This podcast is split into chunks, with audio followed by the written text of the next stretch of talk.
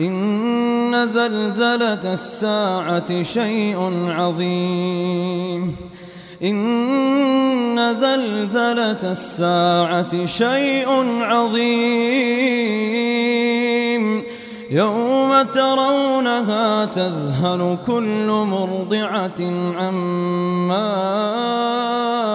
أرضعت وتضع كل ذات حمل حملها. وترى الناس سكارى وترى الناس سكارى وما هم بسكارى. ولكن عذاب الله شديد. ولكن عذاب الله شديد.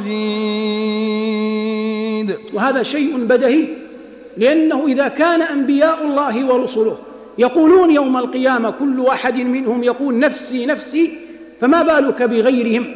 لأن الناس ترى من أهوال يوم القيامة ما لا يخطر لها على بال. عندما يبعث الناس من قبورهم ويحشرون بين يدي الله جل وعلا. ما المنجي؟ المنجي في ذلك كله تقوى الله جل وعلا. ولهذا قال سبحانه يا أيها الناس اتقوا ربكم الذي خلقكم رزقكم رباكم أوجدكم من العدم رباكم بالنعم هداكم للدين أبان لكم الطريق. هو جل وعلا مجمل القول أن يقال لا يرينك الله في موضع نهاك عنه ولا يفقدنك الله في موضع أمرك أن تكون فيه. لا يفقدنك الله في موضع أمرك أن تكون فيه ولا يرينك الله في موضع نهاك الله جل وعلا عنه. والتقوى جماع الدين كله.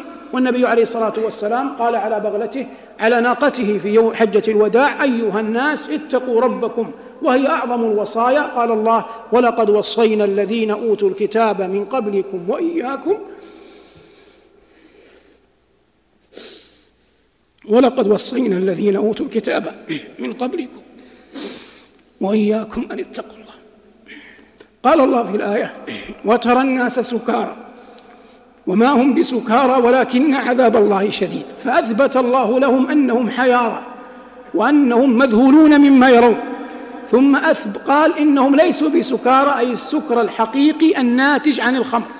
ثم بين العلة في سبب حيرتهم وذهولهم وخوفهم ورعبهم.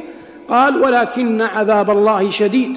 أي الخوف من عذاب الله جل وعلا وشدة ذلك العذاب هو الذي جعل أهل الموقف فيما هم فيه من كونهم حيارى وكأنهم سكارى ينظر إليهم الرائي فيعجب مما هم فيه لأن يوم القيامة كما بينا يوم عظيم لن يقيك أحد حره وويله وهوله إلا الله جل وعلا فعلى قدر قربك من الله تكون نجاتك يوم القيامة وعلى قدر بعدك عن الله عياذا بالله يكون هلاك المرء في تلك العرصات.